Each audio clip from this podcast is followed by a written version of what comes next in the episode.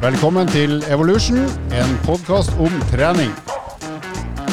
Av treningskjeden EVO. Da er Evolution endelig tilbake igjen eh, etter Jesu oppstandelse og død og et altfor langt fravær. Jeg tar selvkritikk og har gått 99 strafferunder i Holmenkollen skiskytterarena. Så nå er vi tilbake igjen, men vi har eh, Andreas Skjetne ikke til stede pga. pappapermisjon, så han skal være borte en stund. Og så er Lars heller ikke til stede i dag. Så i deres eh, fravær så har jeg fått inn to fullgode og godt oppvarmede erstattere. Det er henholdsvis Benjamin Kristiansen, hei. Benjamin Christensen. Christensen, unnskyld. hei. Hei. Og Henning Bolero Holm, hei. Stemmer det. Og jeg vil jo si at dette er en oppgradering. Ja, det er, jeg kan forstå det. Jeg kan ikke si det offisielt, men det er sant. Hvis vi tar deg, Benjamin, først. eh, Jeg kjenner jo deg først og fremst som eh, fagansvarlig i AFPT, altså Akademiet for personlig trening. Du har vært gjest i podkasten før. Du er her nå fordi at du først og fremst er flink. Kan Folk ser ikke at du er pen, men du er i hvert fall flink. Eh, Hva kan du si litt mer om deg sjøl, så folk skjønner hvor flink du er? Godt, godt spørsmål. Nei, du, jeg jobber jo som PT på Bislett, og så jobber jeg som naprapat på Bislett. Så det er på en måte et hverdagsvirke i tillegg til denne fagrollen i AFPT og forelesning i AFPT. Det er til å jobbe med å prate om alt jeg interesserer meg for innenfor trening og helse, og ikke bare trene folk, for det er ikke alle de som har lyst til å høre på meg. Så heldigvis får jeg muligheten til å bable for studenter i AFPT-sammenheng. Eh, utenom det så driver jeg med triatlon. Bruker overraskende mye tid og penger på å sykle, svømme og løpe. Og Mest, mest penger på sykling? Mest eller? penger på sykling, helt klart. Uh, burde bruke mest penger på svømming, men uh, det, det hjelper ikke likevel. Det går så sakte. Og for de av dere som lurer på jaha, hvor god er han Benjamin Christensen, så kan jeg jo si at sammenligna med meg, så er han et lysår foran. Og jeg hadde håpa at jeg skulle ta innpå han i løpet av vinteren, men ut fra det han logger på Strava, og det jeg sjøl logger på Strava, så er avstanden akkurat like lang som i fjor. Dessverre for min del. Synd. Det er veldig synd. Ja, Du har vel vunnet et par eh, konkurranser og sånn, har du ikke det? Når de gode beste ikke stiller opp, så kan jeg vinne. Jeg, vant eh, den half extreme triatlon i Lofoten i forrige fjor. Ja. Så det, jeg kan, eh, kan gjøre det bra når de aller beste ikke er med. I tett duell med noen fiskere og noe torsk. Ja. Ingen andre stilte opp, så da vant jeg. Nei, nå snakker du det ned. Det var jo faktisk imponerende. Ja. Så takk. Du er rett og slett ganske god, du slipper å si det sjøl, men du er rett og slett i ganske god form. Det må vi innrømme. Det er bra. Så har vi en som i hvert fall er brun ved siden av meg, Henning. ja du, Hvem er du? Jeg er jo eh, daglig leder i Akademi for personlig trening. Jeg har vært det i snart to år. Før det så jobbet jeg jo med Halvor eh, her. I Det er meg også. ti år jobbet jeg i EVO, som var en fantastisk arbeidsplass. altså. Mm. Og eh, før vi går i gang med eh, dagens tema, så må vi jo snakke litt om den påska som nettopp er gjennomført. Eh, jeg antar alle tre har beveget seg til en viss grad, men hvis vi tar deg først, Benjamin. Hva, hva har påska di bestått av i grove trekk? Du trenger ikke å ta det mest private, men sånn, hva kan lytterne være ikke sånn interessert i? okay. Nei, ok. Eh, nei, i hovedsak så var det kanskje Jeg var hjemme i Oslo, så det var jo ikke så mye vinter og, vinter og spore. Men det var, det var mye trening, da. Så det var jo litt eh, svømming, mye sykling og en del løping. Eh, og litt påskeegg spredd innimellom. Noen fine gåturer ute på Bygdøy i sola. Og, så vi i hvert fall brukt eh, det vakre været litt, som, eh, om ikke at det ble noe vinterpåske. Svømte du utendørs eller er inne i basseng? Eh, Veldig innendørs. Veldig innendørs. Da må vi jo spørre det alle kvinnelige og en del mannlige lyttere lurer på. Hva slags antrekk har du i svømmehallen i bassenget? Det er skuffende lang badeshorts. Ah, ja. Jeg har en speedo hjemme, men jeg, jeg har ikke turt å ta den med i svømmehallen ennå. Eh, I frykt av å bli kastet ut. Og du da, Henning. Du har jo vært i varmere strøk. Det har jeg. Jeg har brukt eh, Speedo hver dag hele, hele påsken. 14 dager, med unntak av lunsj og middag. Da hadde du Eh, Speedo. da også? Ja, men en litt lengre variant. Ah, okay. ok. Nei da, fra spøk til alvor. Du, vet du hva, jeg har vært på Kypros eh, to uker. En koronautsatt ferie som ble endelig gjennomført. Så hatt med frue og tre barn til, til Middelhavet og hatt en særdeles fin ferie. Det må jeg si. Det vil si terningkast fire? Ja, det, det vi gir vel ikke over fire, gjør vi det? Familiære terninger kan vel ikke bli høyere enn fire, selv om uh, egentlig er muligheten seks.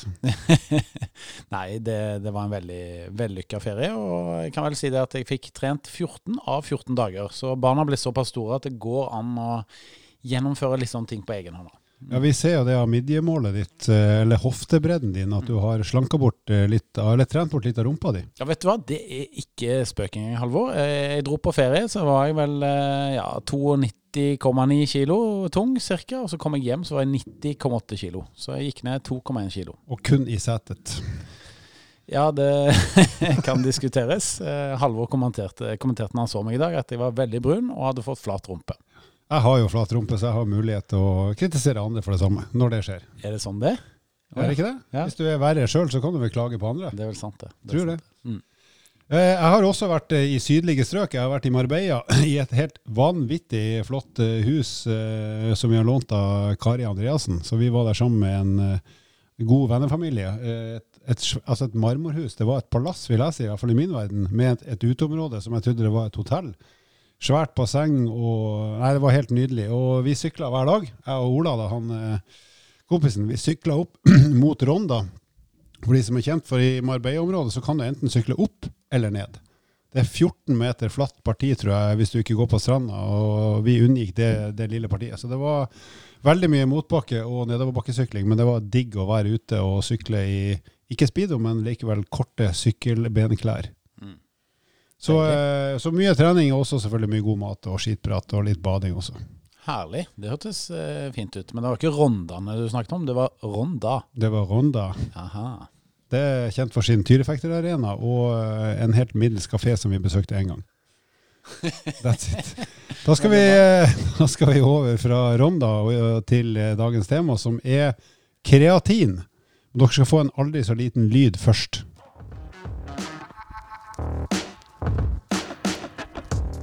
Og med disse toner så markerer vi da overgangen til eh, den seriøse delen av podkasten, nemlig dagens tema. Det er kreatin. Og eh, alle vi rundt bordet kjenner jo til det, men den som kan mest om det, er jo ikke overraskende verken Merle Henning, men eh, Benjamin. Så hvis du, Benjamin, først skal kort og relativt enkelt forklare hva er kreatin, og hva er poenget med det eventuelt? Nei, kreatin er jo noe som, som lages i kroppen, i utgangspunktet i leveren. Og det er eh, noe man kan få i seg via maten vi spiser, bl.a. fisk og kjøtt. Så det er et naturlig forekommende molekyl som bl.a. Eh, muskelcellene våre og andre celler bruker i energiomsetningen sin. Og eh, som regel snakkes det jo om i sammenheng med at folk bruker det som et kosttilskudd. At man da tar ekstra kreatin eh, i tillegg til det man får via egenproduksjon og kosthold. Um, men først kan man jo si at når, muskelcellene våre bruker energi, så, eller lager energi, så fungerer kreatin som en slags sånn hurtiglager, eller sånn eh, rakettdrivstoff. Så veldig hurtige og eksplosive ting som en spurting eller mye styrketrening, så brukes eh, kreatin som en veldig viktig, eh, veldig viktig stoff for å lage energi. Da må jeg bare spørre, i og med at jeg ikke er spesielt rask, og har vel ikke spurta som noen har sett det på mange år, har jeg òg kreatin? Har alle mennesker det, uansett hvor trenger de? Alle bortsett fra deg, tror jeg. Ja, ok, greit. Fortsett. Nei, så det er jo da et um, ganske viktig stoff for at uh, muskelcellene våre skal fungere, så alle, alle har det. Men uh, hvorvidt lagrene dine er fulle eller ikke, det er nok litt varierende mellom ulike mennesker. Og spesielt hvis du spiser lite, lite kjøtt og fisk, og kanskje naturlig har en litt lav produksjon, så, så virker det som at det å tilføre ekstra har en, en gunstig effekt. Mens noen virker å via sin egen produksjon og eh, kostholdsfaktorer og, og egentlig ikke få noen effekt av å tilskudd, ta, ta tilskudd, fordi de har nok allerede. Så i utgangspunktet, det her er en energikilde som gir deg litt ekstra trøkk i noen få repetisjoner av styrketrening, eller kanskje et par sekunders startfase av en spurt eller akselerasjon? Ja, så når du har brukt kreatin jevnlig over tid, så, så virker det faktisk å gjøre at treningen din blir noe mer effektiv. Man får ny, noe bedre utvikling av styrke, muskelmasse og eksplosivitet. Så det å, å bruke kreatin jevnlig eh, i tillegg til å trene, virker å være gunstig. Så spesielt da for eh, folk som har disse målsettingene, økt eksplosivitet, økt styrke, økt, økt muskelmasse, så er det et veldig nyttig kosttilskudd. Ehm, spesielt da fordi den prosentandelen som ikke lager nok selv eh, Sa han og så på meg. så, så det å få i seg da mer kreatin, det kan gjøres på, på, med mange ulike tilskudd, men den, den billigste og enkleste som man virkelig har sett mest på, er det som heter kreatinmonohydrat. Som er et eh, det, det er klart ofte billigste og, og enkleste kreatintilskuddet, som ofte kommer i pulver eller kapselform, som da må tas daglig. Og gitt at du da bare tar en sånn eksempel en fem grams dose daglig, så må du bruke noen uker før det på en måte akkumulerer og lagrene fylles. Da vil du ha full effekt etter noen uker, som du da vil fortsette å ta så lenge du ønsker å ha denne effekten. Og hva er det da du vil, hvordan vil du merke det? Så du sier etter noen uker vil lagrene fylles. Vil du ganske umiddelbart merke at ok, nå har jeg mer trøkk i styrketrening, eller vil jeg gå opp i vekt, øke muskelmasse? Hva er det du vil se det på eller kjenne på? Ulempen er at dette her blander seg inn i den generelle fremgangen din, og alle de andre faktorene som påvirker hvor bra du føler deg på trening. Så jeg tror effekten er nok ikke nødvendigvis merkbar hos alle når det gjelder prestasjon. Når du tar kreatin og vet at du, det, dette skal hjelpe meg, dette skal gjøre bedre, så er det nok mange som føler seg bedre. Eh, både som følge av for egne forventninger, altså placeboeffekten, og denne lille ekstra effekten kreatin gir. Så det er jo ikke slik at resultatene dobles, men det er, en, eh, er det et av måte, tilskuddene man vet fra idrettsforskningen er at har en god effekt, så er det kreatin. Det er hundrevis av studier som har vist positiv effekt her. Så det er et trygt stoff som man har forsket mye på, og som har en tydelig effekt. Men hvorvidt du virkelig merker forskjellen og kjenner at 'å, nå har jeg blitt sterkere', så er jo det er jo summen av veldig mange faktorer. Det er kreatin sannsynligvis er en, en av dem. Men det er ganske vanlig at når kreatinlagerne i musklene øker som følge av kreatintilskudd, så vil kroppsvekten øke noe som følge av at man trekker til mer væske, hovedsakelig inn i muskulaturen og muskelvevet som gjør at man da veier noe mer. Så det, hvis du på en måte tar kreatintilskuddet en stund og merker at du går opp en kilo halvannen, så er nok det et, et tegn på at tilskuddet faktisk fungerer. Uh, og da er det hovedsakelig rett og slett mer vann ja, i kroppen? væske. Banalt sagt. Ja. Trekker til seg mer væske, og dette er da all hovedsak så er dette intracell, altså inni cellene, muskelcellene. Uh, og inni celler, som gjør at det er ikke noe slik at du ser vannet og tjukk ut, eller sånn som noen uh, iblant er bekymret for med sånne tilskudd. Det, det, er ikke noe vits å bekymre seg over. Men uh, i vektklasseidretter I en vektklasseidrett f.eks., eller en vektbærende idrett, så er det kanskje noen som syns det, det å legge på seg en kilo er negativt, for plutselig vipper det, deg, vipper det deg opp slik at det er vanskelig å nå vektklassen sin, eller at ja, den lille eksplosive økningen du får der du tenker at ah, det skal jeg bruke i spurten på slutten av maratonet, så er kanskje det å bære med seg den ekstra kilo med væsken uh, kanskje egentlig ikke verdt den lille ekstra spurtgevinsten du i så fall ville hatt på slutten av f.eks. et maraton. Men, men, da bare sånn veldig kjapt, for det er mange som tar kontakt med meg blant annet, og lurer på er det farlig, eh, er det noe poeng, og er det ulovlig? Vi kan vel nummer én slå fast at dette er ikke noe dopingmiddel. Nei, det er ikke dopingmiddel, og så vidt jeg er bekjent, så har det aldri vært på noen dopingliste heller. Um, så det er et, eh, et, lovlig kosttilskudd der man, uh, som kan selges i, i dagligvarebutikken, ettersom det er nå. Jeg ser det på menyen noen steder at de selger det til og med. Så det er et eh, trygt og naturlig forekommende stoff som du allerede lager selv, og som du får via vanlig mat, men som her kommer i en litt mer konsentrert form. Um, så det er trygt. Og gitt at man ikke har noen nyresykdom, så er det et helt trygt kosttilskudd som man kan bruke. For de som har nyresykdom, så vil jeg definitivt diskutere det med legen om dette er verdifullt å bruke. For det, um, man må skille ut en, måte, en del av disse eh, stoffene som produseres eh, som følge av nedbrytningen av kreatin, må skilles ut via nyrene. Og hvis du da har nyresykdom, så er kanskje det en ekstra belastning som nyrene ikke har nytte av. Men uh, dette er jo da ganske lite antall av befolkningen det gjelder. Men når man har nyresykdom, så er dette noe kanskje man burde hoppe over. Men uh, jeg tipper de fleste av oss rundt det ganske stygge bordet her. Vi sitter for øvrig i kjelleren til Henning. Den er fin, men bordet var stygt. Litt for lite. vi har vel kanskje prøvd det, alle vi som sitter rundt bordet. Jeg har iallfall. Har du, Henning? Det har jeg, vet du. Tidlig i 20-årene så var styrketrening noe som jeg brukte i hvert fall seks dager i uken på å gjennomføre. Eh, daglig økt. Og da tok jeg kreatintilskudd. Og jeg opplevde jo at, eh, at jeg fikk fremgang når jeg brukte det. Men om det var placeboeffekten, eller om det faktisk var kreatin som ga meg den fremgangen, det er jo ganske vanskelig å si. Men eh, både meg og de kompisene jeg trente med den gangen, vi opplevde at dette her funker jo. Mm. Mm. Og du trente da uh, primært uh, altså type benkpress, knebøy? Ja, det var generell styrketrening uh, på stort sett baseøvelser, og jeg trente ganske tungt. alt fra seks ja, til tolv reps og hypertrofifokus. Men du var jo faktisk ganske bra til å springe òg, altså rask. Mm. prøvde du det ut i forhold til noe løping òg, sprint? Ja, jeg, jeg, gjorde ikke noen tester på det. Uh, men uh, når jeg trente ganske mye styrke og, og, trente litt eksplosivt i tillegg, så opplevde jeg at jeg fikk Ja, jeg ble i hvert fall ikke tregere, for å si det sånn. Um, og så har jeg jo gått mer og mer over til å trene mer eh, standard utholdenhetstrening. Og da har jo mye av det eksplosive elementet det har forsvunnet. Det kan jeg si. Du har blitt veldig god til å jogge sakte veldig lenge. Ja, ifølge Halvor så har jeg visst det. Så jeg har løpt eh, Bare se på Strava. Men jeg har løpt fem maraton da, og en ultramaraton, så jeg kommer ganske langt på lang tid. Men eh, når du brukte det for en 40-50 år siden, kan du huske om du hadde noe vektoppgang som følge av det, i tillegg til fremgang? Det hadde jeg. Uh, så jeg husker til og med at jeg kanskje dro på meg så mye som to kilo. Men eh, det er ikke sikkert det bare skyldes liksom kreatinen. Men jeg hadde, en, eh, jeg hadde en ganske god vektoppgang i de periodene som, som jeg tok eh, kreatintilskudd. Du da, Benjamin, har du noen egen erfaring med tilskuddet? Jo da, jeg har brukt det, brukt det i flere år når jeg trente styrketrening mer fokusert enn jeg gjør nå. Jeg har litt sånn penning at jeg hadde vel en, et, ja, Fra jeg var 16 til jeg var eh, 26-27, så hadde jeg et veldig fokusert styrketrening. Litt gjennom crossfit i midten, men det var mye styrketreningsfokus. Og så de siste årene har det dreid seg litt mer over til andre utholdenhetsformer. Så, men i de periodene jeg trente mye styrke, så brukte jeg kreatin jevnlig. Og jeg kjente nok aldri noen sånn veldig direkte effekt, sånn at jeg kjente at det, nå funker det. Men eh, jeg ble jo bedre.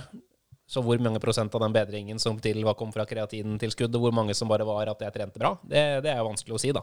Men du, hvis du tenker tilbake igjen, når du brukte det, da brukte du sånn type 3 til 6 til 9 til 12 måneder i strekk, eller hadde du perioder av og på? Eller hvordan doserte du? Jeg hadde nok sånn? ofte lengre sammenhengende perioder, men mitt største problem er bare rett og slett at jeg er veldig dårlig til å huske å ta kosttilskudd. Og spesielt siden kreatin ofte kommer i pulverform, og du må drive og huske å blande det inn i noe drikke og ræl så glemte jeg det, rett og slett. Så min løsning var å finne en samme produkt, altså kreatin monohydrat, men å finne det i kapselform, der pulveret ligger i kapsler, som jeg måtte betale betydelig mer penger for. Eh, og da satte, det, bare satte den ved siden av tannbørsten på, på, badet, slik at jeg husket å ta tilskuddet. Og hvilken, i hvilken ende tok du tilskuddet? Opp eller nede? Det får oppfinnsomheten din, Linn. Nei, det var hovedsakelig munnen. Så kreatin i stikkpilleform, det, det, finnes ikke? Det er det, det du sier? Det bør det jo være. Det er det neste. Ja, Da gidder jeg ikke, altså. Sjøl har jeg også eh, prøvd litt. Jeg gikk på Ilseskolen og prøvde å bli sterk. Jeg lyktes ikke med det heller, men da hadde jeg noen perioder der vi prøvde det litt sånn halvveis vitenskapelig i kompisgjengen. Så vi, vi, eh, vi prøvde det type sånn tre måneder, fire måneder, mener jeg husker. Og jeg vet at jeg gikk opp fall en kilo eller to i vekt. og jeg det hadde sammenheng med fremgang i både benk og bøy, men som du sa i stad, Benjamin, det var nok mange andre grunner også til at jeg gikk eh, opp i prestasjonsevne, ikke bare, ikke bare det tilskuddet. Men eh, sånn som alle oss rundt bordet nå, så er vi vel eh, såpass glad i kondistrening at vi tenker at den lille vektoppgangen trenger ikke vi for å flytte en uh, kropp skal fortere. på jeg, jeg, veier nok allerede, så jeg har nok, jeg har nok ved kilo å bære på. um, så det har jo vært forsket litt på kreatinbruk for utholdenhetsidrett også, men der er uh, funnene langt mer tvetydige og uklare. og Det virker ikke som at det har noen spesielt viktig rolle der, med mindre du driver med en, en veldig eksplosiv, kortvarig form. og Da kan man kanskje ikke kalle det utholdenhetsidrett lenger, da, men kanskje mer sprint. Men eh, Benjamin, når jeg tok dette for en halv mannsalder siden, så var det sånn at uh, man skulle passe på å ikke ta det for lenge. Man skulle ha perioder av og perioder på. Det var liksom en del av anbefalingene som vi fikk underveis. Uh, er det fortsatt sånn at det er en anbefaling, eller har man gått bort i, fra det? Nei, og, og, det Jeg tror nok litt av det Jeg tror Faglig sett så var det litt fordi man ikke hadde så mange langtidsstudier for bruken av kreatin, så man var litt usikker på om det kanskje kunne ha negative effekter å bruke det på sikt. Man anbefalte å bruke det i sykluser um, som et trygghetsverktøy. Og når man sier det til brukerne også, så, så er det nok mange som tenker at oh, dette er noen sterke greier. Når det er så bra at jeg til og med må være forsiktig med å bruke det jevnt. og, og særlig når du kaller det brukere. Ja, ikke sant? Da høres det ut som eh, det er veldig ulovlig. ja. altså, da, jeg tror nok kanskje det til og med gjør at forventnings- eller placeboeffekten kanskje er enda litt høyere når du hører at det er så bra at du virkelig kan ikke ta det jevnt engang, for så sterkt er det. Men, eh, men, når man i nyere tid har sett på langtidsstudier og ser at det er ikke slik at langsiktig jevnt bruk virker å ha noen negative følger, så kan man bruke det jevnt. og det er indikasjoner på at det å bruke det jevnt over tid vil sørge for at uh, effekten av styrketreningen. Selv om du kanskje ikke nødvendigvis merker noen akutt effekt, så kan det likevel ha en langsiktig positiv eh, effekt på treningsresultatene dine. Altså Kroppens naturlige produksjon av kreatin forsvinner ikke for det om du tar det i tilskuddsform også? Så vidt jeg kjenner til, så gjør det i hvert fall, eh, så vidt jeg kjenner til, så gjør det ikke det. Og denne egenproduksjonen vil jeg i hvert fall ikke noe tegn på at den eh, forsvinner når du da slutter å bruke kosttilskuddet igjen. At den ikke, er, går tilbake til normalt igjen. Det er det fall ingen tegn til. Så jeg ville ikke eh, jeg ikke vært forsiktig med å bruke det på den måten. Det ville jeg ikke. Og så har vi da en del av de som tar kontakt, de lurer jo da også på snakker da, spør på vegne av ungdom, altså ung, eh, barna sine, som da er 14, 16, 18, 20 år, som har lyst til å bruke kreatin, og så er mor eller far skeptisk, og så spør de f.eks. meg om råd. Hvis vi spør deg om råd, hvem tenker du på hvilket nivå er det fornuftig å bruke det her? Da tenker jeg både aldersmessig og sånn treningsmessig. Eh, altså, når er, det, når er det smart eller et poeng å begynne å prøve litt, hvis man skal prøve det? Jeg ville generelt anbefalt det til voksne mennesker, er der man har mest, eh, mest data og informasjon. Og jeg tenker at det å bygge opp under gode treningsvaner og fokus på å spise ordentlig mat og dekke sitt næringsbehov via kostholdet sitt, er noe unge individer bør ha fokus på før man fokuserer på kosttilskuddssiden. Ofte så, så bruker kosttilskudd mest som en sånn uh, gjøre opp for at man kanskje ikke spiser bra nok ellers. Og, og da er det et smart sted å starte med å spise god næringsrik og variert kost, um, før man eventuelt bruker, begynner å bruke kosttilskudd.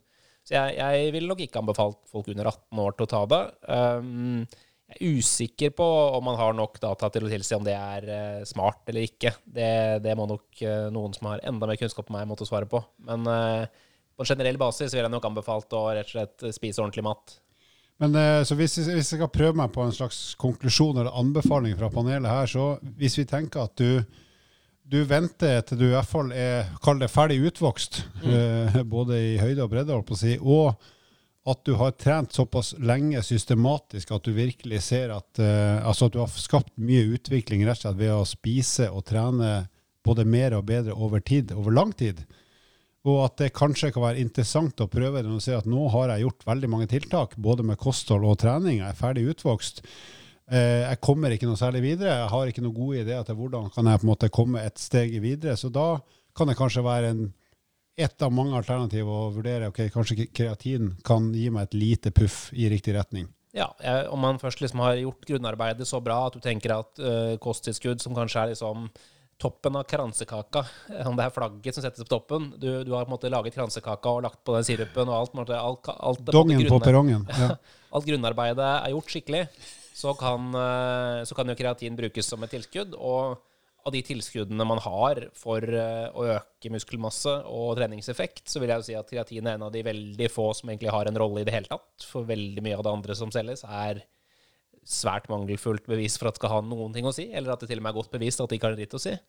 Så, så, kreatin er en av de få tilskuddene som har noe å komme med. Uh, selv om effekten Mange tenker liksom at hvis jeg bare trener, så får jeg ikke effekt, men trener jeg med kreatin, så får jeg effekt. Det er ikke sant. Men trening, nok, trening med kreatin vil nok gi noen prosent høyere effekt og da snakker vi ikke om ja, jeg trener knallhardt to ganger i uka, så nå er neste steg er kreatin. Da, du, da, da, snakker vi at du, har trent, du trener mye mer og har trent systematisk og ganske mye over tid. Ja, jeg, jeg tror nok folk som trener lite, kan nok ha godt utbytte av kreatin, det også, men da ville jeg heller funnet ut hvor skoen trykker for fremgangen, og, og kanskje fokusert på det først.